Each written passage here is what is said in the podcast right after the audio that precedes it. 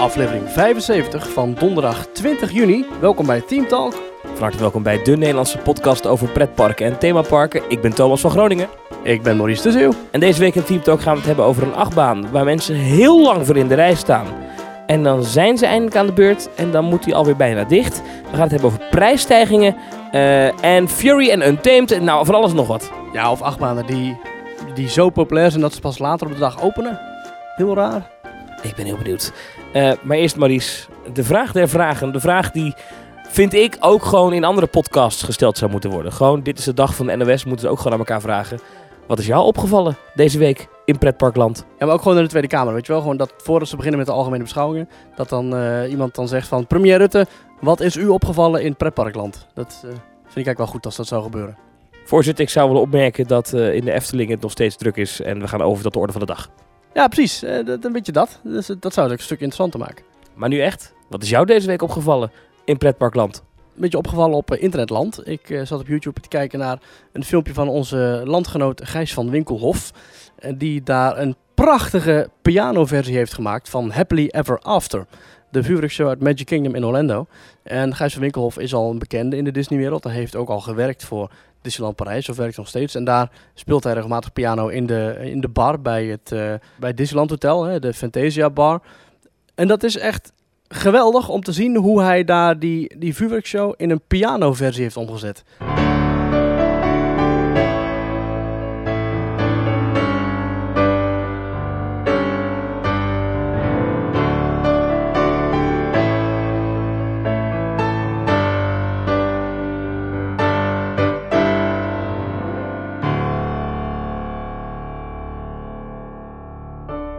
En als je dus op YouTube kijkt, ik zag 47.000 views inmiddels. eh, is, eh, hij zit dan aan een witte vleugel, maar dan zit hij voor een groen scherm waarschijnlijk. En daar zit dan in sync de beelden van de vuurwerkshow achter. Dat is echt heel vet. Ja, echt en heel bijzonder, want ik zie ook niet knipjes of zo. Dus hij heeft een of andere manier gevonden waarop hij precies die vuurwerkshow synchroon kan meespelen. En op de achtergrond zie je dan de, de vuurpijlen precies op de maat afschieten. Helemaal kloppend met zijn muziek. Echt geweldig en prachtig en zeker eh, het luisteren waard. Dus zoek op YouTube op Happily Ever After on Piano. Walt Disney World by Gijs Music. Maar Doe eens even eh, laten zien, want is hij, heeft hij oortjes in of zo? Want dat, dat zou denk ik kunnen verklaren hoe hij dat doet. Dat je gewoon, eh, dat hij op zijn oor gewoon de, de, de soundtrack hoort, zeg maar, de spiel. Ja, ik zie niet echt eh, oortjes in zitten, maar misschien ook wel. Ja, ik weet niet. Dat is echt gaaf. Ik zat wel toen ik dit eh, zat te bekijken, wat te bedenken. Wauw, kunnen ze niet een keer, eh die even, even gewoon de score helemaal vervangen door een, alleen een piano variant. Ik denk dat dat prachtig is met die projecties en dan dat vuurwerk. Ja, of hem gewoon live neerzetten en dat je dan extra betaalt. Ik bedoel, ze zijn de laatste jaren toch wel van het upstellen bij Disney. Dan eh, zou ik er best wel 50 euro voor erbij betalen. Happily Ever After Live. Ja, geweldig toch? Zou ik heel gaaf vinden. Zijn, is dat gebeurt dat vaker dat eh, vuurwerkshows en zo live worden begeleid door een orkest? Dat is niet heel vaak toch? Af en toe wel eens bij van die Harry Potter eh, vu- vuurwerkshows. En dat is dan eens in de zoveel jaar of zo dat ze dan het London Philharmonic Orchestra erbij halen. Maar het gebeurt volgens mij niet vaak dat je, dat je een live orkest kunt timen met een vuurwerkshow. Lijkt me heel moeilijk. Nou, grappig dat je hierover begint. Ik was bij Guus Meeuwis in het eh, Philipsstadion in Eindhoven. En de- die eh, eindigt dan altijd met het dondert en het bliksemt en het leger. Nou, en dan doet hij... dan gaat, loopt hij zo dat, dat, dat veld in en dan doet hij ja, la. En dan, dan doet die drummer zo toenk. En dan moet de zaal, het stadion zingt dan. La la la la. Ja, je kent het. Nou, la la la la la. En dan doet hij op een gegeven moment en één, en twee, en één, twee. En dan precies op het moment dat dat dan die slag is, eh, komt, dan is er, eh, ja, eh, hoe noem je dat? Eh, ge- geluidsloos vuurwerk. Zeg maar. Gewoon, gewoon eh, wa- Illuminations in Disneyland Parijs vuurwerk. Gelijkwaardig vuurwerk vond ik wel. Jij hebt het volgens mij van buiten het stadion gezien. Eh, nou, ik heb het gehoord. Oh, oké. Maar da- dan, dan zie je dat vuurwerk eruit komen. Maar op het einde, dan is dat nummer is afgelopen. En dan is al zo... en dan, dan moet de drummer nog één keer tang doen. Dat ken je wel, toch? Ja, ja, zo'n drumroll. Ja, zo'n drumroll en dan vonk, gewoon echt voor de finale. En op het moment dat die finale komt, het is grappig dat je hierover begint, want ik zat echt af te vragen hoe doen ze dat, want dan is het en precies op dat moment komt er nog één keer zo, woef, komt er overal nog vuurwerk. Precies op dat moment uit. Ik denk dat het een vent is met een, met een, met een, met een knop in zijn handen die het gewoon handmatig triggert. Met, met gewoon heel veel gevoel voor ritme. Want eh, als je dat de computer moet laten doen, dat lijkt me onmogelijk. Ik denk inderdaad eh, dat dat nog wel moet lukken, handmatig. Ik denk niet heel erg snel dat je een vuurwerkshow als Happily Ever After, inclusief projecties, laserstralen, handmatig zou kunnen laten besturen door handige Hendrik in het eh, publiek. Het lijkt me echt gaaf. Die beelden uit de regiehok. Zo, go one, go, go. En dan helemaal de andere kant rennen. En nu de hartjes. En nu dit. Fun fact dat hier een klein beetje bij past. Jaren geleden heeft Ton van de Ven het spookslot zo op die manier gedirigeerd. Toen ze het spookslot de show aan het programmeren waren. En toen hebben echt tientallen medewerkers. Hebben toen, nou eentje die was een uil aan het eh, laten draaien. En de andere die liet een, een kist open neergaan. En de andere deed een lampje aan en uit. En een ventilator aan en uit. En zo heeft Ton van de Ven eigenlijk live die effectentrack geprogrammeerd als een echte effectendirigent. Ja, gaaf. Ja, gaaf. Ik mooi. Eh, mij is ook iets opgevallen eh, wat weer enigszins raakvlak heeft met concerten. Ehm, ik zat te kijken op Ticketswap, want ik wil naar Phil Collins. Die staat deze week in het Goffertpark. En toen zag ik dat op Ticketswap, je kent Ticketswap hè, dat is een website waar je gekochte kaartjes kan doorverkopen. Ja, overigens Phil Collins heeft ook wel een klein beetje met pretpark te maken. Om maar even de link eh, sterk te houden, terwijl jij je ticket zoekt. Eh Phil Collins is natuurlijk bekend van de muziek van Tarzan. Die een eigen attractieboom heeft in Hongkong en in Anaheim. Ja, precies. Hij heeft een Disney-link. Maar dan zat ik te kijken op Ticketswap. Brother Bear ook trouwens, heeft ook gaaf muziek voor gemaakt. Even kijken hoor. Op Ticketswap staan dus ook, dat viel me op, pretparken. Even kijken hoor. Ga erop uit. Nou, dan kan ik naar allerlei, dan zie je allemaal festivals en dingetjes. Maar ik zag bijvoorbeeld Duinrel, als ik even opzoek. Duinrel. Hier, attractiepark Duinrel. Staan 118 tickets op, op Ticketswap. Eh, geldig tot en met juni. Dus als je deze maand nog naar Duinrel wil, dan kan je voor 12,98 euro per persoon naar Duinrel. Exclusief tikkiebad. Oh, huh?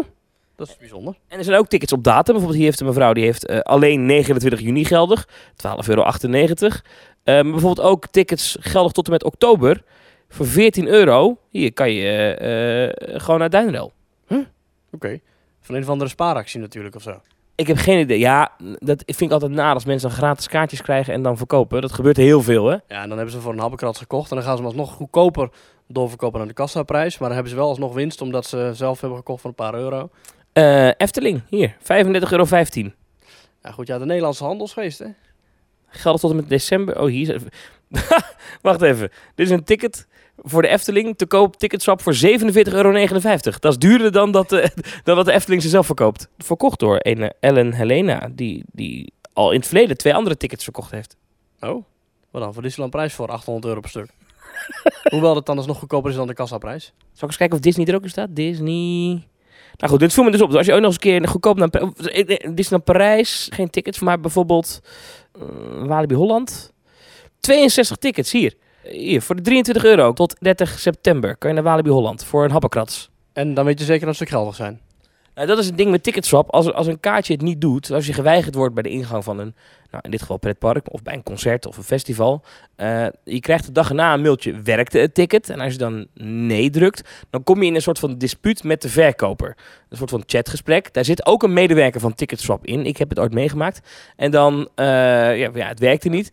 Jij krijgt dan je geld terug. Of, eh, ehm, en en dat is best goed geregeld. Ze laten je niet zomaar hangen van, oh je bent getild, jammer joh. Dus dat is best de, de, de ticketswap, eh, kijk, 100% garantie heb je natuurlijk nooit.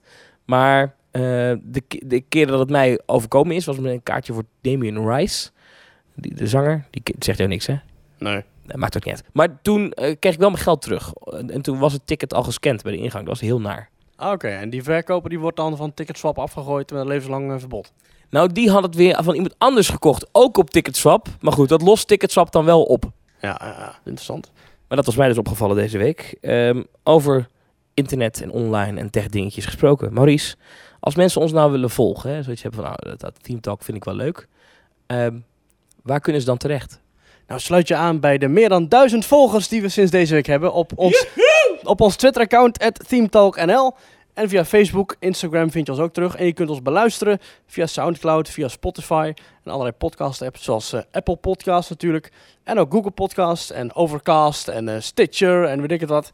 Werkt allemaal. En als je daar nou ook nog een review of een waardering kunt geven van eh 5 sterren, dan mag dat natuurlijk ook altijd. Hartstikke leuk. En, misschien nog wel het allerbelangrijkste, je kunt ons benaderen via de website themetalk.nl.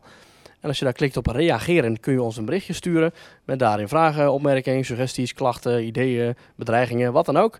En als je ons eh, wil helpen financieel om uit deze moeilijke tijden te komen, dan kun je ons financieel steunen via themetalk.nl slash doneren. En dan je dan weer bijvoorbeeld zo'n nieuwe Kijk, een microfoon voor waar we nu uh, mee aan het opnemen zijn. Even een testje. Vorige keer hebben we op locatie gebruikt in de Efteling. Daar zijn we nu niet, maar... Uh... Volgens mij klinkt die wel uh, prima. De mensen die gesteund hebben, dat zijn er weer heel veel. Ben ik altijd weer heel blij mee als mensen dat doen. themetalk.nl slash doneren. Onder andere Free is daar naartoe gegaan. Stan Laarhoven die zegt: Enkele reis naar mijn vriendin met de auto is een uurtje. De rit wordt een stuk leuker met het gebrabbel over pretparken ben een aantal weken geleden de podcast tegengekomen. Kan dus een geruime tijd vooruit met het terugluisteren van alle podcasts. Keep up the good work. Uh, dankjewel. En ook Robert heeft gedoneerd. Die zegt: Hey mannen, elke week luister ik weer met veel plezier naar jullie genuanceerde en niet zo genuanceerde meningen over de pretparkwereld. Ga vooral zo door. Dan komt er vast nog wel een keer een donatie jullie kant op. En nog gefeliciteerd met de duizend volgers op Twitter. Jee, dankjewel. Ja, want, want hij zegt inderdaad, uh, het is een eenmalige donatie. Je kunt gewoon heel makkelijk eenmalig een bedragje overmaken naar ons. Dat hoeft echt niet maandelijks, dat mag natuurlijk wel. Maar het is volledig vrijblijvend en leuk wat je ook doet. Robert heeft ook nog een vraag. Stel, jullie mochten een attractie helemaal vanaf nul imagineren. Met een al dan niet bestaande ritssysteem, zelfgekozen IP of geen IP, wel of geen gethemde wachtrij, pre-shows losstaand of in een themagebied. Hoe zou deze attractie er dan uitkomen te zien? Maurice, jij mag als eerste. Ik ben altijd al een enorme fan van indoor achtbanen. Dus wat mij betreft wordt het dan een indoor achtbaan die heel lang is. Met heel veel dark stukken. En uh, wellicht hier en daar nog een projectietje, maar niet al te veel. Ja, Escape from Gringotts in Orlando vind ik een gaaf ding. Alleen vind ik net iets te veel schermen, plus je moet een 3D-bril op. Maar dat in essentie vind ik ontzettend gaaf. Plus het thema van Harry Potter. Weet je, een oud kasteel met uh, magie en twinkels en uh, waarvan alles kan gebeuren met bewegende trappen en uh, pratende schilderijen vind ik heel gaaf. Uh, dat vind ik een gaaf ritssysteem. Uh, en wat ik ook een gaaf ritssysteem vind, is van Pirates of the Caribbean in Shanghai.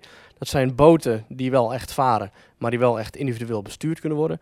Kunnen stilstaan, kunnen rondje draaien, kunnen wat dan ook. En wat ik ook een fantastisch ritssysteem vind, is in Europa Park, namelijk dat van de achtbaan Arthur. Dat is een, uh, ja, zie het als een droomvlucht XXL. Dus je kunt je karretjes ook individueel besturen. Er zit onride audio op. Fantastisch ritssysteem en hangend, dus ook altijd leuk. Maar wat mij betreft kun je daar heel veel mee doen. Dus ja, dat. Ik wil dus een, uh, een, een, ronde hal. En gewoon rond. En de muren zijn één groot ledscherm. Dus één groot rond ledscherm. En in het midden daarvan staat de Jumper Jumper van de kermis. Ken je die? Nee. Oké, dat is een, dat is een soort van dat is een, een draaiende attractie, een draaiattractie. Allemaal armen met daar een gondeltje aan. En die gaan uh, hydraulisch kunnen die springen, die gondeltjes zo. Dus dan word je helemaal. En die kunnen ook heel hard draaien. En de, het idee is dan dat de videobeelden op het enorme ledscherm waar je dus naar kijkt, dat die dus in sync meedraaien met die jumper jumper. En dat, ik denk dat dat een heel gaaf effect is. Ik ben, het is niet helemaal uitgewerkt, maar dit is de theorie. Oh ja, doet mij een beetje denken aan het openbaar vervoer in China. Want daar ben je ook kotsmisselijk van? Uh, dat? Nee, nee, nee. Daar rijden de treinen rijden, en metro's rijden dus door tunnels onder de grond. En daar hangen dus ledstroken van misschien wel 100 meter. Maar daarop worden reclames afgespeeld en die bewegen dus met jou mee in precies dezelfde snelheid van de trein waarin je zit. Oh.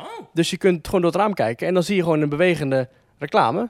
Maar die, als je nou zeg maar in de tunnel stil zou staan, dan zou je dus een heel snel een reclame langs zien schieten op dat ledscherm. Maar omdat je in die trein zit die net snel gaat, kun je precies door het raam zien wat er gebeurt. Kun je de tekst lezen. Super gaaf. Ja, goed idee. Uh, ook Rick Steetsel heeft gedoneerd. Die zegt: Hey Maurice en Thomas, ik luister iedere keer met plezier naar jullie podcast en vind het eerlijk gezegd de leukste pretpark podcast van Nederland. Aangezien ik jullie tot het einde af kan luisteren. Ah, nou dat vind ik tof. Dan vraag ik me wel af wat er dan aan de hand is met kleine boodschap en details. Zijn die dan misschien te lang? Weet ik niet. Rick, bedankt voor je uh, bijdrage. Uh, we hebben ook nog Bas Moerkerken. Hoi Thomas en Maurice, dank voor de toffe podcast. Ik luister elke week met veel plezier en het maakt het dagelijkse woon-werkritje in het OV een stuk aangenamer. Groet Bas. Rick Spitters, die heeft gedoneerd omdat Thomas eindelijk heeft teruggebeld. Ja, dat, uh, ik moest hem nog een keer bellen. Dat ging over iets, iets niet, niet podcast gerelateerd. Dat heb ik nu eindelijk gedaan. En als tegenreactie heeft hij gedoneerd. Heel goed, heel goed Thomas. Ja. Maar vooral als kleine waardering voor jullie wekelijkse kletspraat. Thanks heren. En uh, dat waren ze. Dankjewel voor alle donaties. Oh. Het begint hier in één keer te onweren. Uh, en dat betekent dat wij deze podcast moeten afronden. Vanwege veiligheidsvoorschriften. Allemaal rustig blijven, jongens. Kalm, kalm. Uh, binnen blijven. Niet onder bomen en niet in een open veld, jongens. Dus gewoon, ja, nee, gewoon binnen blijven. Even van het raam wegblijven. Uh, de mensen in het zwembad kunnen die nog even eruit. Als je aan het hardlopen bent, stop even. Niet onder de boom schuilen, maar zoek even beschutting op. En als je op de fiets zit, ga snel naar je eindbestemming. Of zoek even een tankstation of iets op. Want je moet eventjes veilig zitten. Want onweer is gevaarlijk, hè? Tenminste, als ik al die pretpark moet geloven, die gooien altijd alles dicht van tevoren. Onweer is wel degelijk gevaarlijk. Eh, een voorbeeld is afgelopen week in Energielandia in eh, Polen. Eh, daar zijn mensen gewond geraakt. Niet zozeer door de bliksem zelf, maar omdat ze... Er was een lichtflits en mensen in het water wilden meteen het water uit. En daardoor ontstond paniek. En in die paniek zijn een aantal mensen gewond geraakt bij een onweersbui. Het is in de waterpark in Orlando ook altijd zo dat als er op weet ik, wat, 10, 20 kilometer afstand onweer wordt waargenomen... en ze zijn er echt 24 uur per dag dat aan het eh, analyseren... dan is het ook gelijk up, iedereen eruit. Regen maakt niet uit, dus als het regent dan mag je gewoon in het water blijven. Maar als het onweert, iedereen eruit. Ja, dat is ook niet zo gek. Onweer is wel degelijk gevaarlijk. Er gaan nog steeds tientallen mensen per jaar aan dood. Ook in Nederland aan onweer. Oh ja? Ik pak nu even de statistieken erbij. Dan ga ik ondertussen even door over bijvoorbeeld eh, de Troy Challenge van een paar weken terug op de Vloggersdag in Toverland. Toen zaten daar bekende vloggers in een achtbaantrein. En die buitenachtbaan, de houten achtbaan Troy, die toch flink hoog is, werd toen even voor sluitingstijd eh, al gesloten. Omdat de treinen niet mogen doorrijden met onweer in aantocht. En toen hebben ze dus binnen in de overdekte gebieden van Toverland hebben ze de, de achtbanen challenge wel kunnen afmaken. Hebben ze alsnog 100 ritten gemaakt. En in onze WhatsApp groep met Teamtalk donateurs zegt Marvin... Mooi hoor, dat Heidepark. Het is nog 10 minuten tot de attracties sluiten. Er is één enkele flits te zien in de lucht. Alle attracties dicht. Zodra de storm voorbij is, opent alles weer na 15 minuten. Hoe sluit je je park eerder? Door onweer dat nog minstens een kwartier weg is. En dat, eh, bracht, dus, dus, eh, dat bracht dus, dus op dit onderwerp.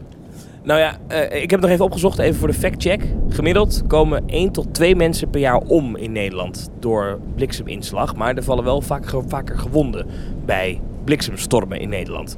Dus het is wel degelijk gevaarlijk. Er is echt een risico aan. En daarom zeggen pretparken, zeker bij achtbanen... Ja jongens, eh, leuk voor je, maar we, je kan er gewoon niet in. Als er onweer waargenomen wordt, gaat de attractie dicht. Dat is voor je eigen veiligheid. Daar kiest de Efteling of Walibi, die kiest er echt niet zelf voor. Dat moet gewoon. Ik baalde wel een keertje ontzettend hard. Toen waren we in Busch Gardens. En dat is een groot park in Tampa. En daar heb je dus heel veel achtbanen. En een van die achtbanen, Montu, fantastisch ding. Een hangende achtbaan. Vergelijkt een beetje met, eh, ja, met Black Mamba in Fantasieland. En daar werd dus ook gewoon eh, alles dichtgegooid. Maar wij zijn dus toen... ehm, we zaten vooraan. We hebben echt nou ja, vrij lang gewacht. Voor ons doen zeker. Ondertussen doen we hier even de deur open. En je hoort misschien wel dat het echt wel flink regent hier. Dus eh, Het is echt storm. ja, echt storm. Hup, flits, flits. Ja, ik vind het dus, ik vind het dus eng. Ah, ik vind dat nou, ik, ik ben geen, eh, geen watje of zo hoor, maar ik ben echt geen fan van onweer. Maar we zaten dus echt letterlijk voorin. We mochten instappen. En toen we de beugels dicht gingen doen bijna, toen kwamen de medewerkers. Ja, beugels weer open en helaas weer uitstappen. Dus ik heb Montu toen maar één keer kunnen doen. Ah. Echt balen. En een andere dag in Busch Gardens hebben we de halve dag helemaal niks kunnen doen. Omdat gewoon alles dicht was. Omdat, wat, wat zeg ik, 10 kilometer verderop ook onweer was waargenomen. En dat is echt... Ja, Die geur. Dit is die geur van als het dan een zomerse dag is geweest en het gaat weer regenen. Eerlijk hè, onweer doet me ook altijd denken aan Orlando. Omdat het niet alleen maar zonnig is in Orlando, maar midden op de dag heb je dan de, afternoon shower. Dat zijn dan die regenbuien en dan gaat iedereen gauw naar binnen. Iedereen trekt zijn poncho aan van 15 dollar. Iedereen gaat even een eh frietje halen. Ik had het de laatste keer in Hollywood Studios. Bakken uit de hemel, bakken uit de hemel. En ik weet nog dat ik toen had ik net gegeten bij de ABC Commissary. Ja. Die ken je, hè? En toen dacht ik, nou, ik ga toch even lopen. Je regen, ik ben een Hollander, weet je, ben regen. Ja, wel wat gewend. wel wat gewend, maar ik had geen poncho, niks. En toen liep ik naar buiten en dacht ik, oeh, toch even schuilen. En toen ging ik onder een parasol staan. En toen heb ik daar zeker 20 minuten gewoon onder die parasol moest blijven staan. Want het regende zo hard. Maar was het ook onweer of alleen maar regen? Nee, alleen maar regen. En Want, want dan blijft alles open volgens mij. eh, ja, alles blijft wel open, maar het regende gewoon zo hard. Het was echt een wolkbreuk van heb ik jou daar. Maar wat dus heel gek is, is eh, in, eh, dat, dat heb, als je ooit in een tropisch land bent geweest, dan, dan ken je dit fenomeen. Eh, maar de- dan regent het zo bam, bam, bam. En dan daarna is het gewoon klaar. Dan is het gewoon, ja. Dan is het alsof het morning has Letterlijk, eh, ja, letterlijk geen wolkje aan de lucht. Ja, dat is geen wolkje aan de lucht, dat is heel gek. Ik weet alleen bij de Vliegende Hollander in de Efteling dat ze die wel eens leeg laten vertrekken, die boten, als het buiten te hard regent. Ja. Dat is dan denk ik uit service voor de bezoekers die het dan waarschijnlijk niet eens weet dat het buiten zo hard regent en dat hij al lang binnen staat te wachten. Maar goed, kijk, eh, eh, je ziet wel eens mensen die dan boos reageren of die dan compensatie willen voor een regenbui. Stel nou dat je nu in de Efteling loopt. Ik weet niet of de Efteling nog open is. Het is nu, terwijl we dit opnemen, is de Efteling nog open. Oh jee. Zou jij vinden dat de Efteling aan, bij de uitgang nu moet zeggen... joh, hier heb je een ticket, kom maar een keer terug op een zonnige dag? Ik vind dat niet, omdat eigenlijk altijd wel met 100% zekerheid van tevoren kan worden gezegd dat het heel slecht weer wordt. Dus code geel afgekondigd. We zien het nu ook hagelen. Mijn auto krijgt nu mooie hagelsteentjes eh, op, de, op de motorkap. Ja, toch vind ik het helemaal niet zo gekke gedachte om als park te zeggen... het kost je niks in principe. Het nou ja, jawel. Het, ik vind het een beetje imago. Als je kunt zeggen, ja, bij de Efteling kun je, als het een beetje regent, kun je altijd gaan zeggen dat je een slechte dag hebt gehad. En dan, dan kun je misschien wel terugkomen voor niks. Ja, dat is toch service? Nee, ik vind niet dat je dat als pretpark zou moeten aanbieden. Ik weet wel dat Hellendoorn bijvoorbeeld ooit een regenverzekering heeft aangeboden. Dan kon je die dag kon je voor een paar euro meer een regenverzekering afsluiten. Dat mocht je eh, last hebben van het weer en je had die verzekering afgesloten, dan kreeg je een ticket geloof ik om terug te komen. Ja, dat is misschien een beetje overdreven. Nee, oké. Maar het, het, het is natuurlijk, als je met dit weer, gewoon nu is het onweer. Extreem regen en hagel. Nu is in de Efteling alles buiten dicht. Denk ik. Ik ga ervan uit dat, dat er nu niet... eh, ik denk dat je nu niet in de baron kan. Op jij even de wachttijden erbij? Ja hoor. Ja, Vliegende Hollander is dicht. Joris en een Draak dicht. Baron, Musje Cannibal, Gondoletta, Pagode, Piranha, Bob, allemaal dicht. Maar de oude Tufferbaan, Oude Tuffer, Oude Tuffer is wel open. die gaat gewoon door. Polka Marina. Oh, daar wil je ook niet in zitten. En de Python, dat, dat zal niet kloppen denk ik, toch? Nee, ik denk het niet. Spookslot is ook open, maar ja, daar omweert het altijd natuurlijk. hey, het kinderspoor. Nou ja, gisteren. En de stoomtrein is nog open. Ja, weersomstandigheden in pretparken. Dat is eh, het nadeel van deze hobby. Je kan vooraf niet altijd voorspellen wat voor weer het wordt. Maurice, mag ik de deur dicht doen? Of, eh? Ja, dat is goed. Eh, en, en dat, hoort, dat hoort er ook een beetje bij, hè? Ik bedoel, ehm, eh, eh, sommige pretparken heeft, hebben het ook wel zo'n charme als het een beetje grijzig of grauwig is. Snap je wat ik bedoel? Ja, ik snap wat je bedoelt. Ik vond dat, eh, wat ik dus heerlijk vind, is om in een waterpark te liggen als het regent. In een zwembad te liggen. Dat bedoelde ik dan weer niet, maar... Nee, dat, dat weet ik. Maar het water vind ik altijd lekker als het lekker zo koel regent. Maar het water zelf waar je in ligt is wel warm. Maar wel, welk pretpark vind je dan bijvoorbeeld mooi als het regent? Nou, nee, regen is niet het juiste voorbeeld, maar... Als het heeft geregend. Nee, ehm, ik wil naar Animal Kingdom. Animal Kingdom is prachtig. En als Animal Kingdom een, een blauw, strak blauwe hemel erboven heeft liggen, is ook prachtig. Maar ik was de laatste keer in Animal Kingdom eh, en toen was het een beetje bewolkt. En dan wel bloedheet. En dan heeft het iets, iets ja, ik kan het haast niet uitleggen. Iets, iets, ja, dat, dat, heeft, dat geeft het park een hele andere draai of zo. Nou, dat, dat klopt dan wel met het thema van een tropisch regenwoud. Ja, dat wel, ja. Eh, ik vind de Efteling als het regent wel een beetje troosteloos meestal. Nou, als je op de goede plekken staat, vind ik het wel mooi hoor. Volk van Laaf, Sprookjesbos. Een bos met regen is super feeriek. Maar ja, het is niet al te comfortabel, maar het is wel mooi. Wat vind jij van in een achtbaan zitten als het echt hard regent? Eh, ja, ik heb regelmatig in de Python gezeten met regen. Ik heb in Goliath gezeten met regen. Ik heb ook in eh Fantasie, nee, in Europa Park gezeten met regen in de Silver Star. 870 meter hoog. Eh, dat is wel vrij pijnlijk. Maar hij draait wel gewoon door. Ja, weet je, het, het, heeft wel wat. Ik heb liever zon, maar regen is wel oké. Ik weet, onze collega's van Kleine Boodschap hebben ooit een aflevering gemaakt over de Efteling bezoeken met regen. En ze waren er allebei best wel fan van. Ja, ik, ik ben ooit in Goliath geweest en toen eh miezerde het terwijl we naar boven gingen. En toen waren we boven en toen ging het ineens regenen. Gewoon echt regenen. Gewoon echt van die hele grote druppels. En dat deed zeer, Maurice. Dat deed pijn. Ja, alsof iemand met een waterkanon 100 km per uur water op je afvuurt. Dat is het. Nee, alsof iemand met takken je zat af te ranselen. Echt, dat soort... Zeker als je echt zo echt hard gaat en die druppels. En het waaide ook, jongen. En het echt van die klappen in je gezicht van het water. Ja, ja en Walibi is hard gaan, dat weten we allemaal. Dus het is eh, vrij pijnlijk. Overigens ging de achtbaan daarna ook een tijdje dicht. Want tijdens, we, kwamen terug het station en zeiden ze... Nou, we, we wachten even met de volgende trein tot het iets is gaan liggen. Maar zou je dan liever hebben dat je eruit moet en dat je wachttijd eh, is verloren gegaan? Of zou je liever hebben dat je dan toch in de achtbaan kunt, maar dan wel in de regen? Ja, dat weet ik niet. Dat vind ik een moeilijke vraag. Dat vind ik een moeilijke vraag. Maar we hadden het over bliksem en onweer. Ehm, in de Efteling zijn op een aantal plekken heel duidelijk de bliksemafleiders te zien. Bijvoorbeeld bij ehm, het Huis van de Vijf Zintuigen. Ja, en ook op het dak van een van de lavenhuisjes, waar eentje de schoorsteen staat te poetsen, daar zie je ook een bliksemafleider zitten. Ondertussen eh, komt dwars door het draaiboek... Ja, we hebben een draaiboek bij een podcast. eh, een melding binnen dat het code oranje is in Brabant terwijl we het opnemen. Spannend. Hier heb je niks meer aan als je dit luistert. Het is te lang geweest, maar... Misschien ben je het aan het luisteren terwijl je de dakpan aan het oprapen bent. Ik had het over een eh, pijnlijke ervaring in Walibi. Ehm, Joey Schanenberg uit Harlingen. Die doet zichzelf een eh, pijnlijke ervaring aan in eh, Walibi. Hij plaatste in maart op Twitter, ik citeer even Loopings, dat hij één ritje in de Condor in Walibi zou maken voor elke keer dat zijn tweet werd geretweet. Ehm, dat leverde hem inmiddels meer dan 500 retweets op. Nou, wat gaat hij nu doen? Hij gaat twee dagen lang achter elkaar non-stop in de Condor. Om de openingstijd. Eh, Walibi geeft hem een, eh, een speciale stoel waar hij mag blijven zitten. Hij zegt 500 ritjes is niet te doen, maar hij gaat eh, toch twee dagen erin zitten en hoopt hij 250 ritjes in de Condor te kunnen doen. Voor die, wie de Condor niet kent, ik denk maar dat onze luisteraars dat wel kent, maar dat is een, eh, een eh, hangende achtbaan in de Walibi. Een prototype ooit van een suspended looping coaster. En ik denk de ruwste en de meest pijnlijke die er is. Ja, ik denk het ook wel. Nog gebouwd toen het Walibi Flevo was. Dus nog voor Six Flags. Het was ook nog El Condor volgens mij. Maar... Ja, klopt ja. Zou jij daar twee dagen in willen zitten? Waarom doe je jezelf dit aan, man? Ja, ik weet niet, eh, voor de aandacht. Ja, nee, ik zou dat echt eh, voor geen goud doen. Ik hoop dat die stoel die Walibi voor hem regelt, dat dat een echt een eh satijnen fluwelen stoel is. Met nekkussentjes en een soort massagebehandeling erin. Want dit is echt, nou ja, denk een soort zelfmoordpoging half. Nou ja, je, je, je overdrijft denk ik niet eens. Want we hebben het eerder wel eens gehad over ehm, eh, andere coaster challenges. Het Troy in Toverland. Dat is ook een heftige ruwe achtbaan. Maar de Condor, dat zijn echt... Ah, er zitten hele rake klappen in. Maar ook best wel veel inversies. Dat is best wel een pittige achtbaan om daar nou even twee dagen achter elkaar in te blijven zitten. Hij zegt zelf overigens... ehm, eh, mijn gezondheid gaat voor. Als het echt niet meer gaat, dan stop ik. Ja, dus na een uur is hij eh, klaar.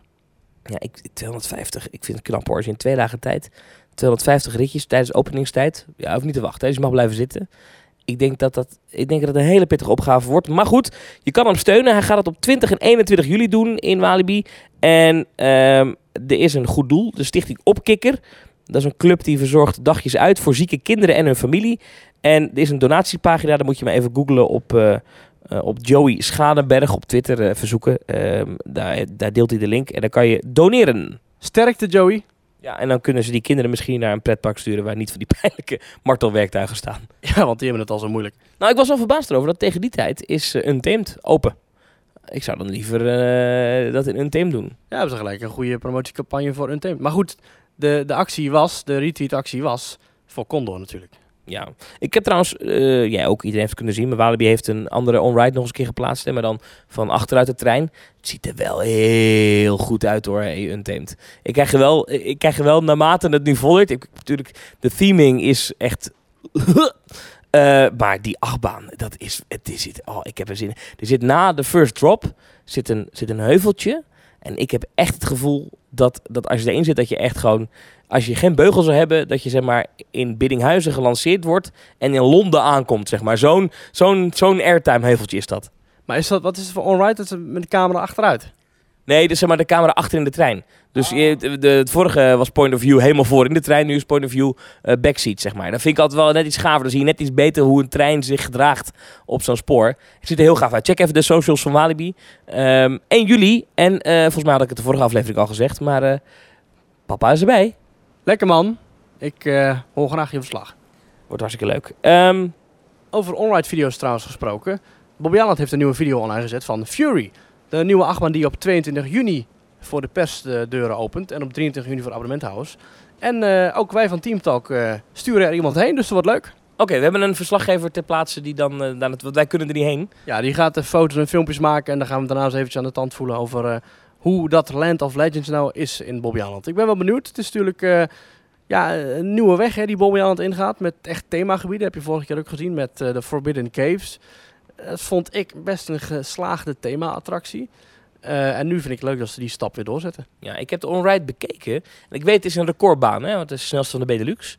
Maar op de onride voelde die niet zo heel snel aan. Dan had ik niet het gevoel, oh, deze achtbaan is echt veel sneller dan Gold Rush in Slagharen of zo. Dus ik moet het echt nog even het echt zien. Want ik, ik, dacht, ja, als dit het is, het is wel gaaf achtbaan. Maar ik had niet het gevoel dat ik echt naar een recordbrekende achtbaan zat te kijken. Ja, maar ik heb ook een keer een filmpje gezien van Taron in Fantasieland. Die ook echt bloedsnel door die baan schiet. Dus ook sneller dan eh, Fury. En als je die onride ziet, dan denk je ook niet van... Oh, oh, oh, wat gaat er snel. Terwijl dat echt ontzettend vet is als je erin zit. We blijven even bij de lanceerachtbanen. Want eh, we hebben het vorige week al even gehad over Hagrid's Magical Creatures Motorbike Adventure. Ik vind dat wij mooie bruggetjes maken deze week. Ja, vind ik ook. Het gaat wel lekker. Eh, in eh, Universal Orlando, in Islands of Adventure. Ehm, dat is die Harry Potter achtbaan, Hagrid thema. Nou, daar hebben we het allemaal over gehad. Het thema begint een beetje om het te groeien. Ik heb nog weer wat meer beelden bekeken. Het ziet er toch steeds beter... Ja, ik, krijg er steeds meer zin in. Ik vind het ontzettend gaaf. Ik heb eindelijk een hele onride gekeken. Door ruim drie minuten ben je, zit je erin. Het is een hele lange rit, ja. Alleen, ehm, dan heb je eindelijk scènes. Dan heeft Universal eindelijk fysieke scènes. Dan vlieg je er alleen weer zo snel langs dat je het nauwelijks kan zien. Dat vind ik dan ook alweer jammer. Ja, dat is inderdaad een beetje jammer, ja. Want je hebt een scène dat je dus langs Hagrid rijdt, dus de reus uit Harry Potter. En die doet dat met zijn handen en die gebaart wat en die zegt wat. Maar daar rij je zo snel langs dat je het eigenlijk niet ziet, inderdaad. En dan heb je ook nog die Fluffy, die hond, die driekoppige hond. En daar schiet je ook heel snel langs. Maar nogmaals, het ziet wel ontzettend vet uit. Ik heb de wachtrij eh, gezien. Daar zit wel een scherm in, maar ook dat ziet er echt... Ja, ik, ik wil er echt bijna voor naar Universal, zeg maar. En dat had ik bij andere schermattracties als Fast and Furious, Jimmy Fallon en zo. Ik had dat daar niet per se, maar ik heb dat nu echt wel... eh, Ja. Nou ja, eh, het had eh, de NOS behaagd de afgelopen week om er een artikeltje over te schrijven. Over dat de mensen tien uur in de rij hebben gestaan. Ik ben daar door mijn omgeving eh 56.000 keer in getagd de afgelopen week. Hetzelfde geldt overigens voor dat, dat filmpje van die... die Van Die, die paal met die ronddraaiende touwen. En eh, oh, is leuk hè dit? Ja, dit moeten ze ook in Nederland hebben. Oh, Ja, ja. Het is een nepfilmpje. Ja, stop met mij hier in taggen. Stop dit Waarschijnlijk ook nog een filmpje uit 1998 of zo. Maar goed. Maar goed. Ja, toch leuk. Le- leuk dat mensen zijn, denk ik. Ja, dat is dat inderdaad. Nou, eh, eh, maar goed, toen we- tien uur hadden mensen in de rij gestaan voor de Hagrid's, ik vergeet iedere keer de naam, Hagrid's Magical Creatures Motorbike Adventure. Dat is een hele mond vol. Ehm, eh, Maar de rit is ook lang, hè, dus dat mag. dat mag, ja. De, de wachttijd nu, 180 minuten. Nou, dat is al fors minder dan de 10 uur. Eh, maar er is wel een berichtje uitgegaan afgelopen week. Waarin ze zeggen, ehm, een soort van, eigenlijk een soort van excuusbriefje van Universal. eh, met de volgende tekst. Ik doe het vertalen terwijl ik lees. Dat is altijd spannend. Nou, ze zeggen, Hagrid's Magical Creatures Motorbike Adventure is even more popular than we could have imagined. Kortom, veel populairder dan gedacht. En we werken er hard aan om ervoor te zorgen dat iedereen die erin wil, er ook echt in kan. Nou, eh, ze hebben een probleem met het weer gehad. En running the attraction well beyond regular park hours to accommodate our guests. Kortom, ze hebben de afgelopen dagen, afgelopen week, heel vaak die attractie heel lang aan laten staan. Terwijl het park al lang dicht was om iedereen maar in die attractie te krijgen. Ehm, maar, zeggen ze, maar dit is onze meest sophisticated high-performance ride system ever. Kortom, het meest ingewikkelde eh, eh, ding dat we hebben staan. Eh, en ons team heeft tijd nodig om onderhoud, het dagelijks onderhoud uit te voeren. Ehm, dus om ervoor te zorgen dat ons team de tijd krijgt die ze nodig hebben, gaan ze de attractie later openen de komende paar weken. At midday, dus rond een uurtje of 12 gaat deze attractie pas open, zodat ze in de ochtend nog werkzaamheden kunnen uitvoeren. Ehm, en ze zeggen, nou ja, tijdens dat, die- eerste paar uurtjes kan je prima de rest van Universal's Island of Adventure eh, eh, bezoeken. Bijvoorbeeld ehm, Forbidden Journey, de andere Harry Potter attractie. Ja, waar nu maar een wachtrij van een half uur staat.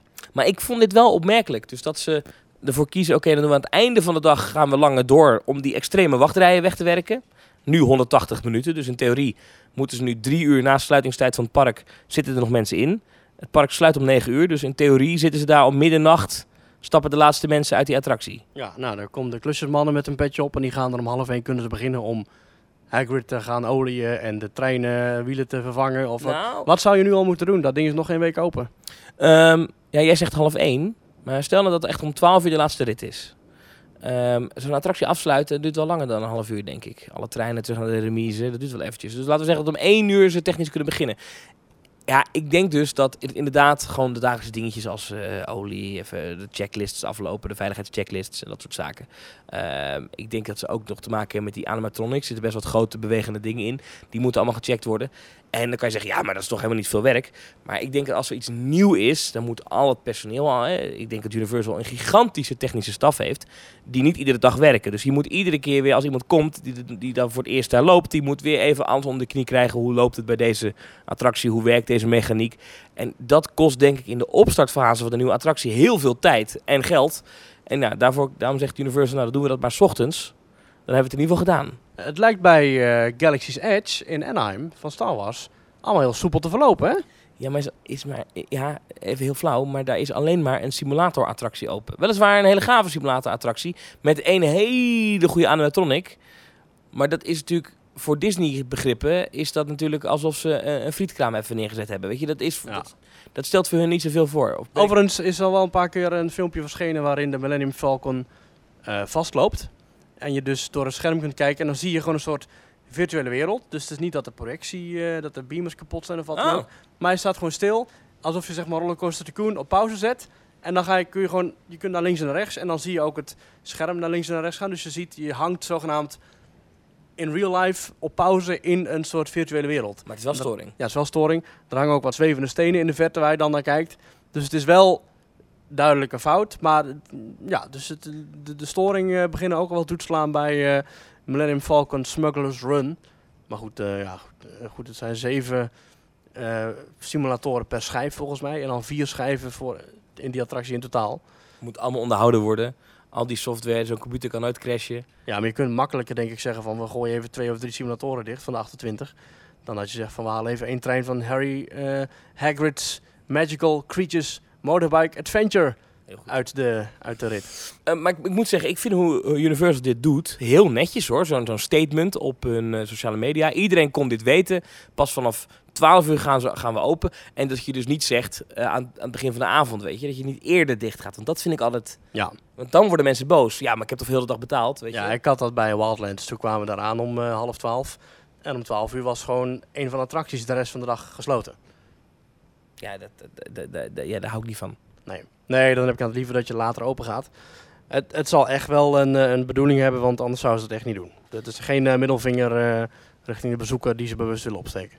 Blijf nog even in uh, Orlando. Um, Walt Disney World heeft wat prijzen omhoog gegooid van, van abonnementen, maar ook echt gewoon ziek veel. pak er even bij.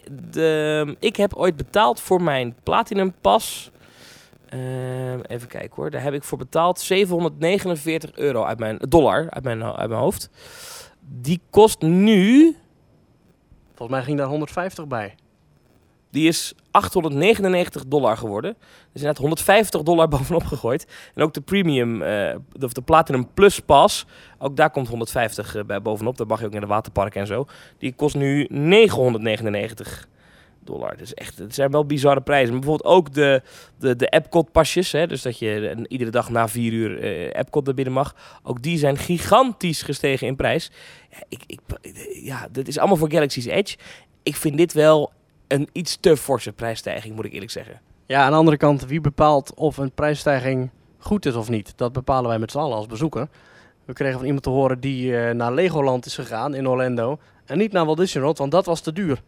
Ja, wil Disney dat uh, bewerkstelligen? Nou ja, dat het iets rustiger wordt, dat willen ze misschien wel. Maar ik vind dit in die zin een beetje gek, want dit is natuurlijk allemaal, heeft allemaal te maken met Galaxy's Edge. Uh, en maar ik vind 150 dollar bovenop een abonnementsprijs, puur omdat één themagebied open gaat. Ook al is dat een heel gaaf en mooi themagebied.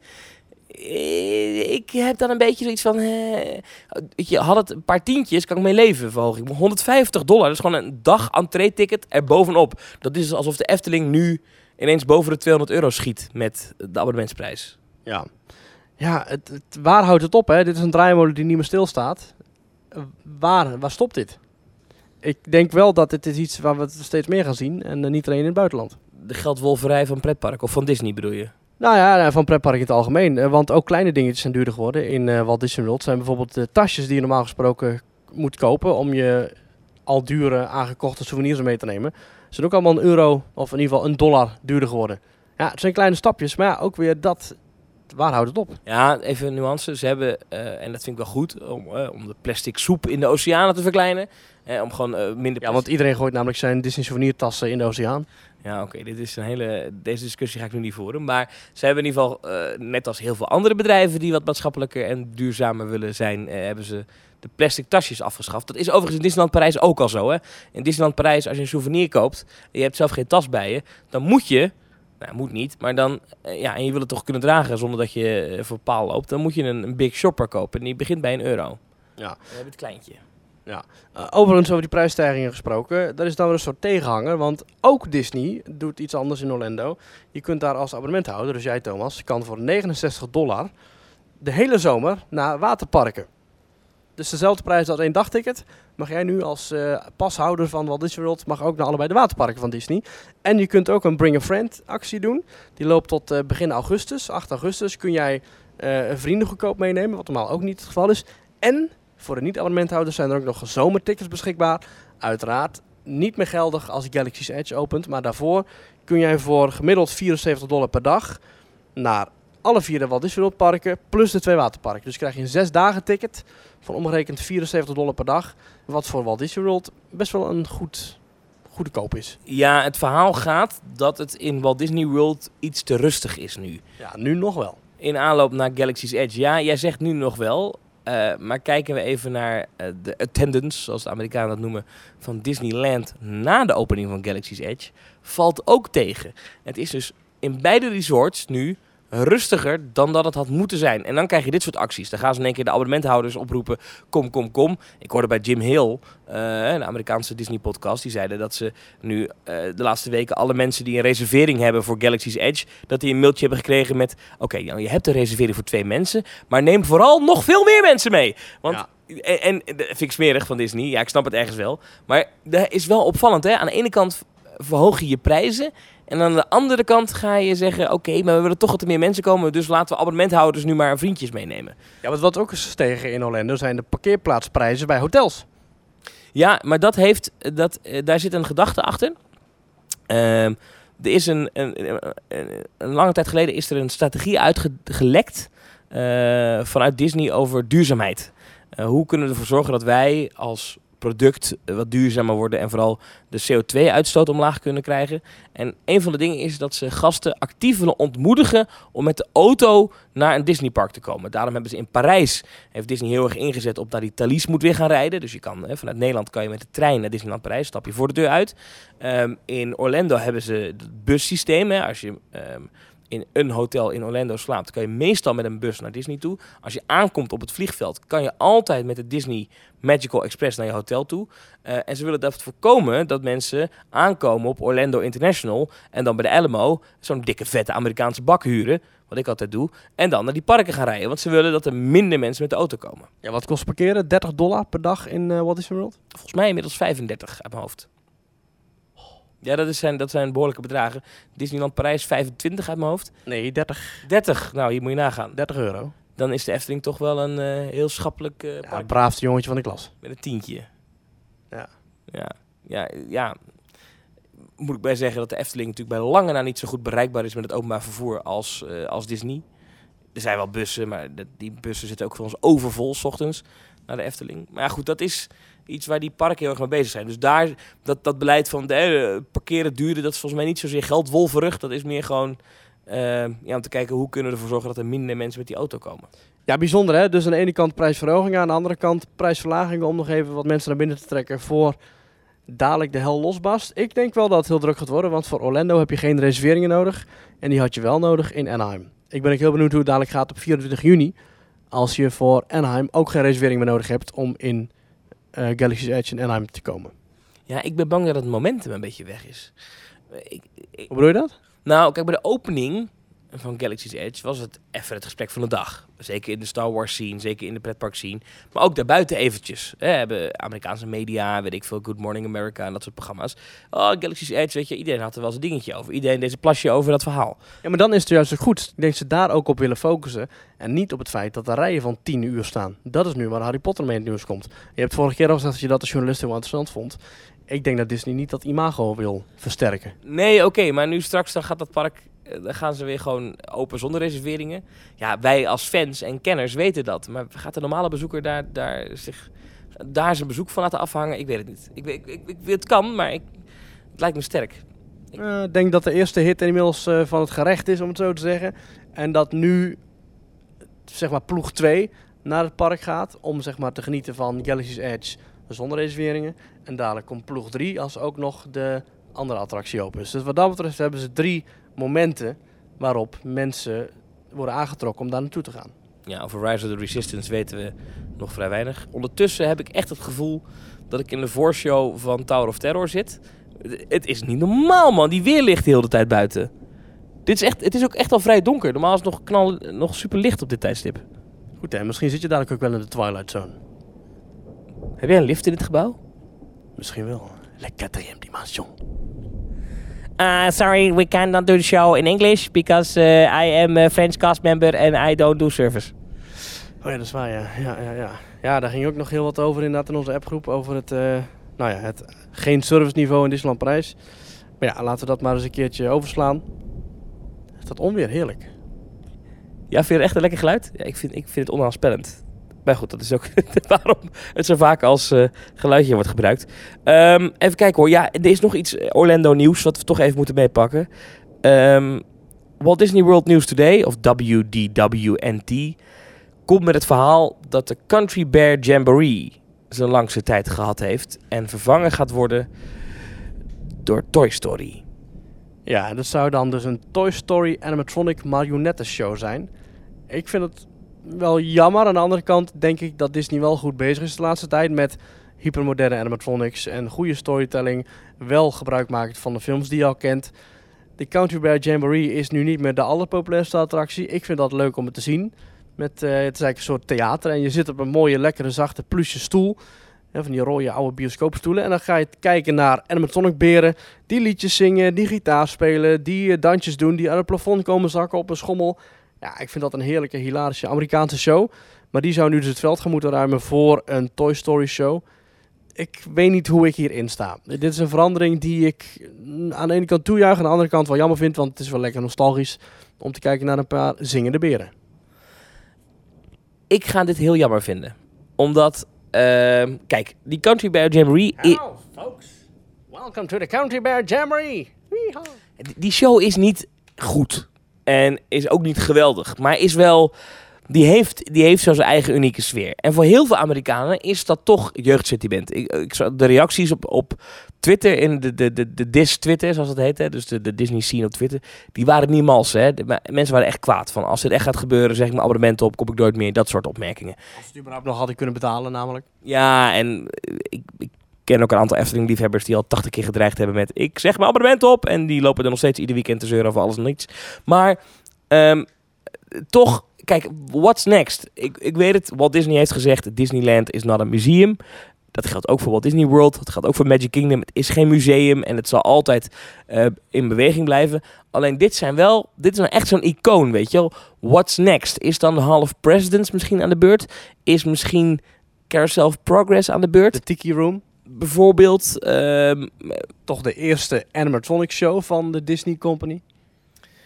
ja, wat gaan, wat, weet je, waar houdt het dan op? Als je alles maar ver-IP't, is dat dan wel slim. En overigens, Tiki Room heeft natuurlijk een tijdje IP's gehad. Hè? Dat was het Tiki Room under new management.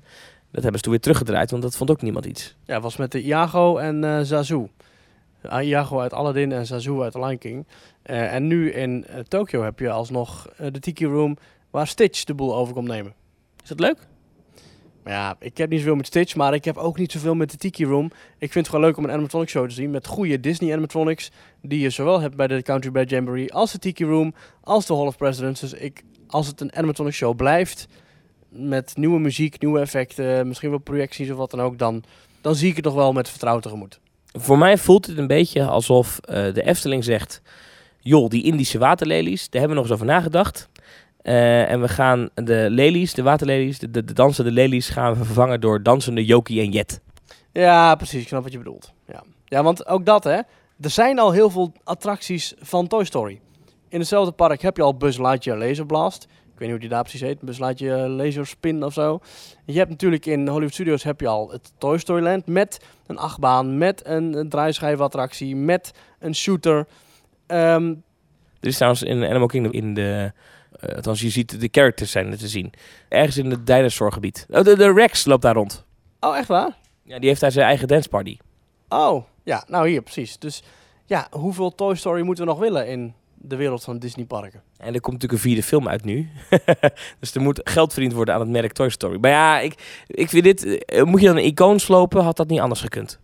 Ja, in eh, Frontierland in Disneyland Prijs was ooit ook al een Woody's Roundup Meet and Greet gedeelte in Frontierland, waar vroeger ooit nog een kinderboerderij was. Ja, het is eh, hoeveel, wat gaat Toy Story nog meer overnemen? Toy Story, uh, Buzz Lightyear Laser Blast in Disneyland Prijs heeft ook al Visionarium platgewalst. Weet je wel? Ja, het is een beetje jammer. Toy Story is geweldig, maar het is ook een beetje een parasiet. Ja, en ik vind de gebieden er ook altijd heel erg goedkoop en lelijk en plastic uitzien. Zowel in, in Shanghai, als in Hongkong, als in Parijs, als in Orlando. Het is allemaal goedkope 3D-geprinte plastic troep. Maar dat is speelgoed ook. Ja, ja, maar goed, dat vind ik dus heel makkelijk en heel jammer dat ze dat thema weer kiezen. Ja, maar als je dus... Ja, maar oké. dus als, stel, eh, Maurice, jij eh, je zou werken bij Walt Disney Imagineering. En, en de baas komt binnen en zegt... Maurice, jij gaat nu een Toy Story attractie ontwerpen. Ja, dan wordt het ook een plastic ding. Maar die hele keus van een, van een Toy Story attractie bedenken, willen, dat is al iets waarvan ik denk, ja, Hoe vaak moet dat nog gebeuren? Bob Chapek, de eindbaas van het Disney Park op dit moment, die zegt... we gaan alleen nog maar dingen bouwen met IP. Want als onze competitors, als onze concurrenten dat zouden hebben... zouden ze precies hetzelfde doen. Ja, ja, ja. ja en dat, dat, dat, dat snap ik ook wel dat hij dat zegt.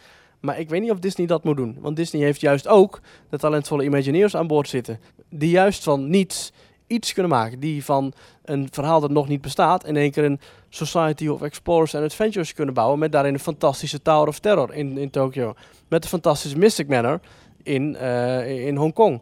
En ook met fantastische attracties jaren terug, tientallen jaar geleden, als Pirates of the Caribbean en The Haunted Mansion. Dat zijn attracties die niet gebaseerd zijn op een film. Nee, ik begrijp je. Ik ben het uh, wel met je eens, denk ik. Ik vind gewoon die schele beren ook leuk. Die lopen daar buiten ook altijd rond. Ja, precies joh. Maar zouden ze die dan ook wegdoen? Ja, als die attractie er niet meer is, dan wat doen die schele beren daar dan nog? Die hebben dan juist veel meer tijd. Ja, en die tijd zouden ze kunnen gebruiken om Theme Talk te luisteren. En dan uh, denken ze misschien, hé, hey, maar hier heb ik ook iets over te zeggen. Of ik heb een idee, jullie moeten het een keer hierover hebben. Dan doe je uh, het volgende. Je gaat naar... themetalk.nl slash reageren. En dan pak je met een toetsenbord met je klauwen beet. En dan ga je er met je lange beren nagels iets op typen. Heel goed. En als je audio hebt opgenomen in een pretpark, dan mail je dat naar... audio.themetalk.nl Heel goed. We hebben mailtjes binnengekregen. Uh, Mike Jansen, die zegt... Ik wil een dagje naar een pretpark, maar ik weet niet welke. Welk advies geven jullie om naar een pretpark te gaan? Efteling, Toverland, Walibi, Drievliet, Bobbejaanland en Disneyland Parijs heb ik al bezocht. Welke moet ik nog echt bezoeken? Zullen we aftellen en dan allebei tegelijk ons uh, advies zeggen? Oké, okay, maar dan in ogenschouw nemen dat hij dus Efteling, Toverland, Walibi, Drievliet, Bobbejaanland en Disneyland Parijs al heeft bezocht. Dus het moet een ander park zijn. Ja, oké, okay, daar gaan we. 3, 2, 1. Walibi Belgium. Nou, succes. Je hoort het Walibi Belgium en Fantasieland. Thomas, waarom moet hij naar Walibi Belgium? Popcorn Revenge, Tiki Waka uh, en uh, start de systemen. Hoe heet je ook alweer? Uh, Psyche Underground. Precies. Hartstikke leuk. Neem je zwembroek mee, Aqualibi, genieten. Ja, en je moet ook naar Fantasieland in Duitsland. Hier niet zo heel veel vandaan. Omdat, tenminste ik weet trouwens niet waar hij woont, maar omdat uh, Fantasieland heeft fantastische achtbanen als Black Mamba, als Taron, mijn lievelingsachtbaan. En ook leuke indoor attracties als Mouse Chocola. Um, het is een mooi aangelegd park, niet al te groot, maar zeker interessant voor wie houdt van lekker eten, van de Duitse cultuur en wie houdt van uh, shows. Wie houdt van Duitse cultuur? Wat is de Duitse cultuur aan Fantasialand? Alt-Berlin. Ah, oké, okay, ja. En dat je geen foto's mag maken, dacht ik even. Ja, precies. Ja, ja, ja. en als je echt een stukje verder wil rijden, ga dan naar Europa Park. En luister daarvoor naar uh, een van onze vorige afleveringen waarin we uitgebreid uh, Europa Park Lauweren. Lauweren, mooi woord. Uh, we hebben nog een mail binnengekregen van Iris Veldhaus. Die zegt: Dag heren, bedankt voor jullie geweldige podcast die ik kan luisteren tijdens mijn lange treinreizen. Vooral jullie grapjes en bittere commentaar doen me goed. Bittere commentaar. Grapjes. Ja, goed. Mijn bericht bestaat uit twee delen. Ik was het afgelopen weekend in Disneyland Parijs. En dat was ook het laatste weekend van het Marvel Superhero Season. Mijn vrienden en ik besloten om naar de laatste Marvel stuntshow te gaan. Aangezien jullie het ooit in een eerdere podcast hadden over dat de effects soms niet helemaal volgens plan werken. Dus ik was vrij sceptisch. En ja hoor, halverwege de show gingen opeens de publiekslampen aan en werd excuus aangeboden voor de onderbreking. Na een aantal minuten ging de show verder en werd de onderbroken scène herhaald. Echter dan zonder de effecten. Voor de onderbreking zagen we hoe Spider-Man allemaal vliegende objecten aan het ontwijken was met salto's. Na de onderbreking deed hij nogmaals deze tricks, alleen dan zonder die objecten. Oké. Hierdoor zag het er allemaal een beetje knullig uit.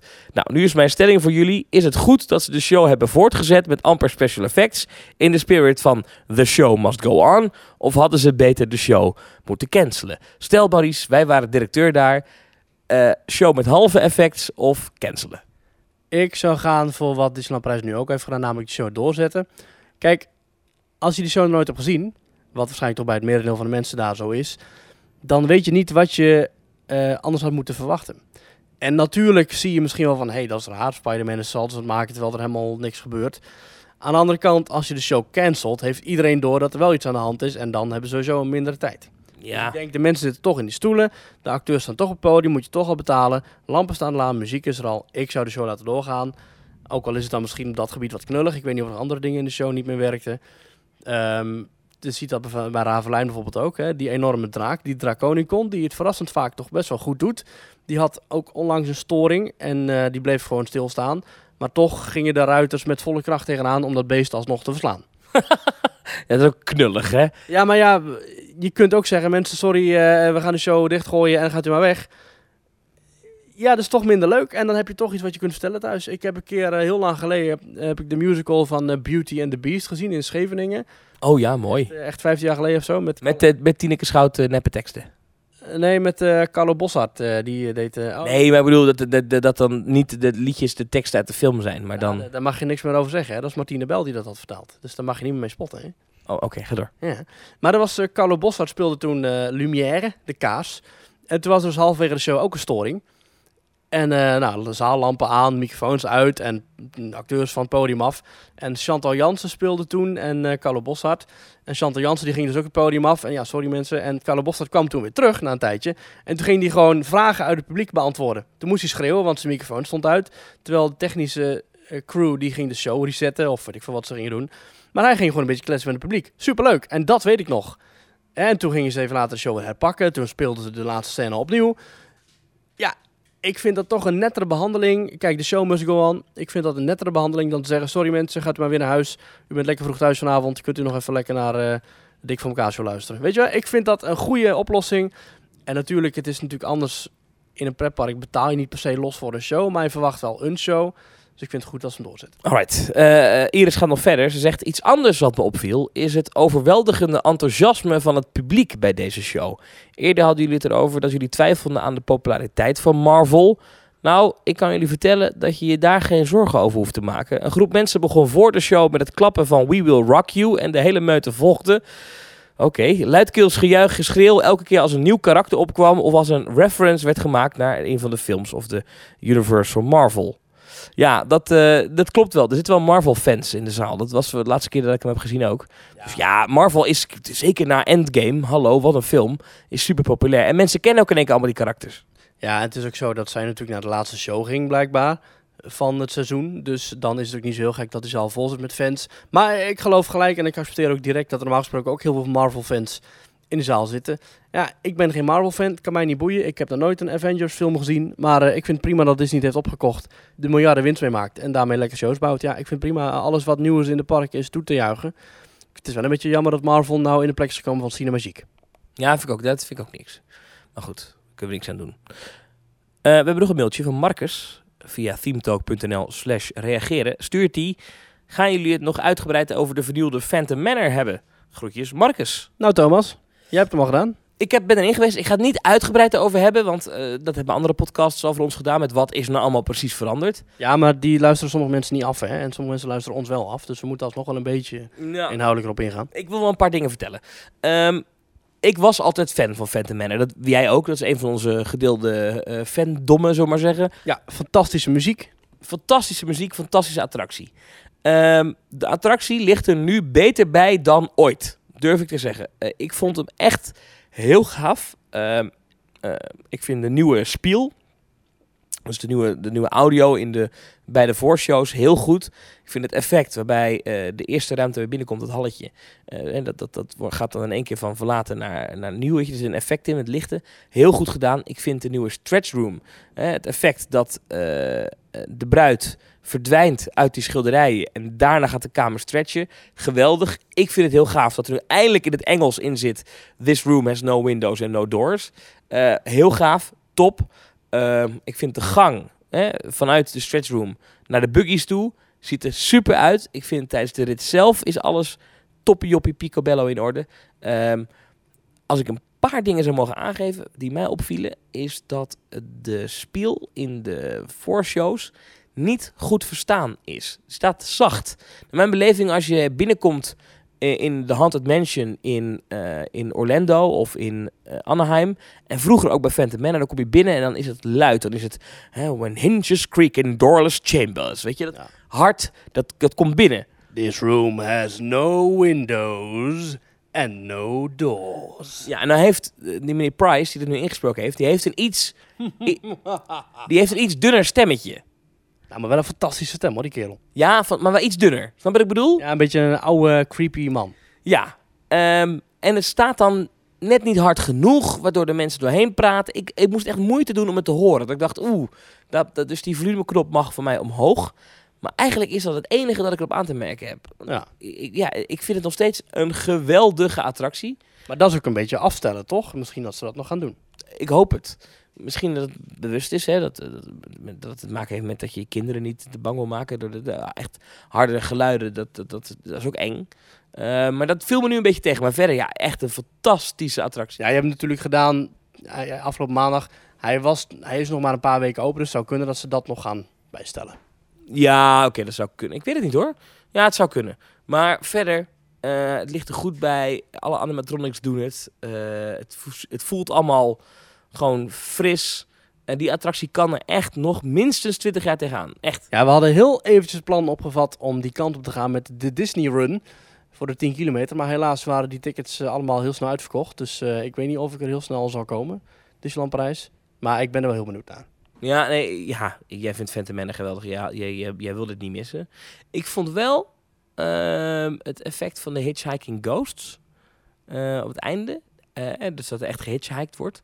Moet ik je eerlijk bekennen, vind ik dat effect in, in Orlando leuker. Maar goed, dat is echt, echt muggenzifterij. Ja, hier is een bruid toch, die jou zogenaamd ten huwelijk wil vragen? Ja, en ik heb liever echt dat de Hitchhiking Ghosts in mijn, eh, in mijn, in mijn Doombuggy zitten. Maar Dan goed, dat een spook jou ten huwelijk vraagt. Ja, precies. Maar goed, maakt niet uit. Het is alsnog echt, de attractie is zoveel beter geworden. Ik ben enorm aan het fangirlen geweest daar. Dus ik, ik ben blij. Ja, top. Mooi. Ja, en hopelijk ook een uh, goed antwoord op de mail. Ja, de mail van uh, Marcus was dat. Bedankt voor je mailtje. Als je nou ook wil reageren, doe dat vooral op themetalk.nl slash reageren. En als je iets van audio hebt opgenomen in een pretpark, dat kan. Uh, dan moet je dat bestandje niet langer dan een minuut hebben we het liefst. Uh, ja, twee minuten als het echt interessant is. Ja, naar audio.themetalk.nl Ja, doe nog eentje doen? Ja, dat is goed. We hebben een mail van Jason gekregen. Hallo, onlangs is in Amerika de National Experience Live geopend. Dat is een soort van museum, schuine streep pretpark, schuine streep experience. En zo is er ook een experience over Lady Diana is een computermodel met een 3D-engine. En als je om je heen kijkt, dan lijkt het net alsof je echt in Parijs zit. Aan het einde is een knal en een flits, waarvan we denken dat het de bestuurder uh, heeft verblind uh, met die fatale crash tot gevolg. Weet je, dus waar Lady Di bij om, om het leven kwam. Dat is ook alweer een jaar of uh, 25 geleden. Dat is wel even terug, ja. Wat vinden jullie ervan dat ze zo'n bijzonder dodelijke gebeurtenis gebruiken als experience en überhaupt een museum slash indoor park gebaseerd op nieuwsgebeurtenissen? Nou ja, bespreek het maar in de podcast. Als het jullie leuk lijkt, ga zo door in ieder geval met jullie top podcast. Groeten, Jason. Attracties en belevingen gebaseerd op echte rampen, ja. Dan kun je terug gaan zeggen, oké, wanneer is iets nog, uh, wanneer is iets too soon? Of wanneer is iets echt smaakloos? Ik denk dat dit wel richting smaakloos kan gaan. Ja, aan de andere kant, het is wel als het een, als het een leerzame belevenis is. Ja, overigens was het in 1997 dat Lady Di omkwam. Was toen 36 jaar oud. Ja, kijk, um, het ding is, dit is... Uh, um... gaat over een prinses die destijds werd opgejaagd door de pers de paparazzi. En waardoor haar chauffeur destijds per ongeluk tegen een brugpilaar uh, knalde met de auto. Waardoor inzittenden om het leven kwamen. Waaronder dus de gigantisch populaire Lady Diana. Toen heeft Elton John nog het nummer Candle in the Wind gemaakt. Heel goed. Kijk, de National Enquirer, dat is een journalistiek blad. Die hebben in Pigeon Forge, overigens waar ook uh, Dollywood ligt, van uh, Dolly, Dolly Parton. Dat is wel echt een pretpark met acht banen en zo. Die hebben daar een experience. Uh, en daar is het een onderdeel van. Net zoals dat je in, weet ik veel, in Las Vegas de CSI-experience hebt, zoiets. Ja, of de Titanic Experience. Kijk, zij zijn een nieuwsblad, een journalistiek blad. Dus, en, en, dit is een van de verhalen waar zij veel over geschreven hebben, veel mee gedaan hebben. En daarom hebben ze dit gemaakt. Um, vind ik dat fout? Ja, weet ik niet. Ik denk dat als je het smaakvol doet en het, het, het, het hoort bij hun verhaal, dan kan het wel. Het is geen... Het, want uh, uh, het mailtje dat wij kregen, daarin eh, staat dan dat het een pretpark is. Maar het, het is geen pretpark. Het is, het is een experience. Het is, het is een soort museum. Het is meer een soort van museum. Dus ik snap Jason's punt wel. En ik vind het een terechte vraag. Maar het is niet echt een pretpark. Um, overigens, als je dit soort dingen leuk vindt, of interessant vindt. In Washington D.C., uh, daar heb je de Newseum. Dat is het museum van nieuws. Um, en daar heb je bijvoorbeeld een 11 september hoek. Wat ik daar echt super gaaf vond. Het is ook echt wel een experience. Dus daar hebben ze ik denk dat daar iemand met Imagineering kwaliteiten naar gekeken heeft. Daar hebben ze een enorme muur met allemaal tv's. En die staan op allemaal verschillende zenders. En die zenders, die beginnen, ik geloof dat de hele show duurt een uur of anderhalf uur. Um, dat begint eh, tot ongeveer, dat begint, de tv's beginnen te lopen met wat ze ongeveer 10 minuten voordat het eerste vliegtuig in, eh, op 11 september in die toren vloog, wat er toen te zien was op tv. En dan kan je dat gewoon doorkijken en dan heb je knoppen en dan kan je het geluid in de zaal Ah ja. wisselen van scherm. En dan zie je dus overal, as it happens, zie je het gebeuren. En dat is, dat is heel bizar, want er zijn een aantal schermen, die blijven gewoon constant, eh, ik geloof op één is geloof ik Friends te zien of zo. Weet je, dat blijft, dat blijft maar doorgaan. Ja, ja, ja. Eh, en, en, eh, en op een gegeven moment zie je ook dat die kanalen, die zenders ook maar omschakelen naar ja, breaking news. En dat is echt een ervaring ook als je daar zit. En ik heb het al eerder keer gehad over hier, over de Kennedy Space Center. Ook daar hebben ze wel dat soort ervaringen. Sommige musea zijn best wel, die hebben echt themed experiences. En daar moet je dit mee onderscheiden. Ik vind het geen pretparkattractie, alhoewel je wel echt zit en echt in 3D ja, eh, door die tunnel heen gaat. Ik had het zelf niet gemaakt als ik hem was, maar dat doen ze natuurlijk voor de PR-waarde. Maar ik vind ook weer niet, we moeten ook weer niet te gevoelig gaan lopen doen. Ik bedoel, het is lang geleden en het is, een, het is nou eenmaal iets wat bij de wereldgeschiedenis hoort. Dat wil je mensen vertellen. In Park Asterix wordt enorm gespot met de Romeinen. Nou, hoeveel mensen hebben de Romeinen niet de kop afgehakt? Heel veel. Ja, eh, kijk bijvoorbeeld ook naar Puy de Fou. Eh, in, eh, ook in Frankrijk. Daar heb je een attractie rondom de Eerste Wereldoorlog. Nou, er zijn ook nog heel wat mensen slachtoffer van geworden. Of in ons eigen land, Neeltje Jans bij Zeeland. Daar heb je een watersnoodramp experience. Ja, ook heel wat mensen die daar het leven hebben gelaten. Een soort van piranha. Of, of hoe, eh, hoe moet ik me dat voorstellen? Ja, dat is met, dat is met de projecties. Oh. Oh. Nou ja, weet je, ja, het is... eh, was er niet onlangs een, een, een zekere pretparkpodcast waar het idee werd geopperd om een Tweede Wereldoorlog verhaal in de Efteling te doen? Ja, dat was eh, Tim van Kleine Boodschap. En die eh, had onder andere het thema van de Tweede Wereldoorlog. Dat wellicht passend zou zijn binnen een goed omlijnd verhaal binnen de Efteling. Ja, ben ik het niet mee eens. Maar goed, kan, dat kan. Ik weet niet of je dan inderdaad gelijk aan de Tweede Wereldoorlog moet denken. Maar poeh, ja, goed. Epcot is ook gebaseerd op echte landen. Ja. Weet je waar ik nou weer een beetje mee zit trouwens? Even eh zijspoor. Maar ehm, Aerosmith, hè, eh, Rock Roller Coaster, gaat dicht. Het gerucht gaat dat in Amerika die attractie ook niet een heel lang leven meer heeft. Ehm, dan heb je nog wel de Rip Ride Rocket in, eh, in Universal. Ook een muziekachtbaan. Maar ik denk nog steeds dat daar iets in zit. Als je kijkt naar de bioscopen, eh, Bohemian Rhapsody, wat echt een gigantisch succes was, die Queen film. Nu heb je Rocketman, een film over Elton John, die draait nu in de bioscoop. Ook volgens mij wel een aardig succes. Misschien is dat toch eens weer, weer eens een thema. De, de rock and roll of oude muziek. Eh, een band of een artiest als IP bij een attractie. Ik zou dat wel weer eens een keer willen zien. Misschien is dat wel iets voor de Efteling. Een Guus Meeuwis attractie. Nou, je had ooit Hard Rock Park, hè, maar het is niet echt een succes geworden. Nee, maar dat was ook niet. Dat zat niet goed in elkaar. Dat was gewoon hier heb je een achtbaan en die noemen we Pearl Jam en zoek, maar, zoek het maar uit. Dat slaat nergens op. Ja, het is op 15 april 2008 geopend in South Carolina. En op 24 september 2008 ging het dicht. En op 23 mei 2009 kwam er een doorstart. En aan het einde van het seizoen 2009 ging het weer dicht. Ik geloof wel dat er een paar dikke achtbanen stonden. Serieus. Maar dat, het, het, ja joh, onzin. Maar ik, ik zou dat wel weer eens een keer willen zien in een park. Ik maakte net een grapje over een Meeuwis achtbaan in, eh, in de Efteling. Maar dat is natuurlijk geintje. Dat eh, gaat er nooit komen, ben ik bang. Met wel kilometersporen, hè, die achtbaan. Ja, tuurlijk. Ik denk, denk, denk, denk, denk. Juist, juist, ik tel juist, drie, 1, 2, 3 en dan val je naar beneden. Over muziek gesproken. Ik, nou, ik hoor weer onze eindmuziek. Nou, misschien moet daar eens een keer een attractie omheen gebouwd worden. Theme Talk Land. Ja, dat gaat er nooit komen. Nee, denk ik ook niet. Maar ik vond het wel weer leuk om gezellig met jou te brainstormen hierover. En ik vond het sowieso wel leuk om aflevering 75 op te nemen. Toch een soort van mijlpaaltje. Ja, dat vind ik ook. 75 is wel een mooi... Het is een go- goed getal. Go- goed getal, ja, precies. Ik zou zeggen, Maries, tot volgende week. Tot volgende week.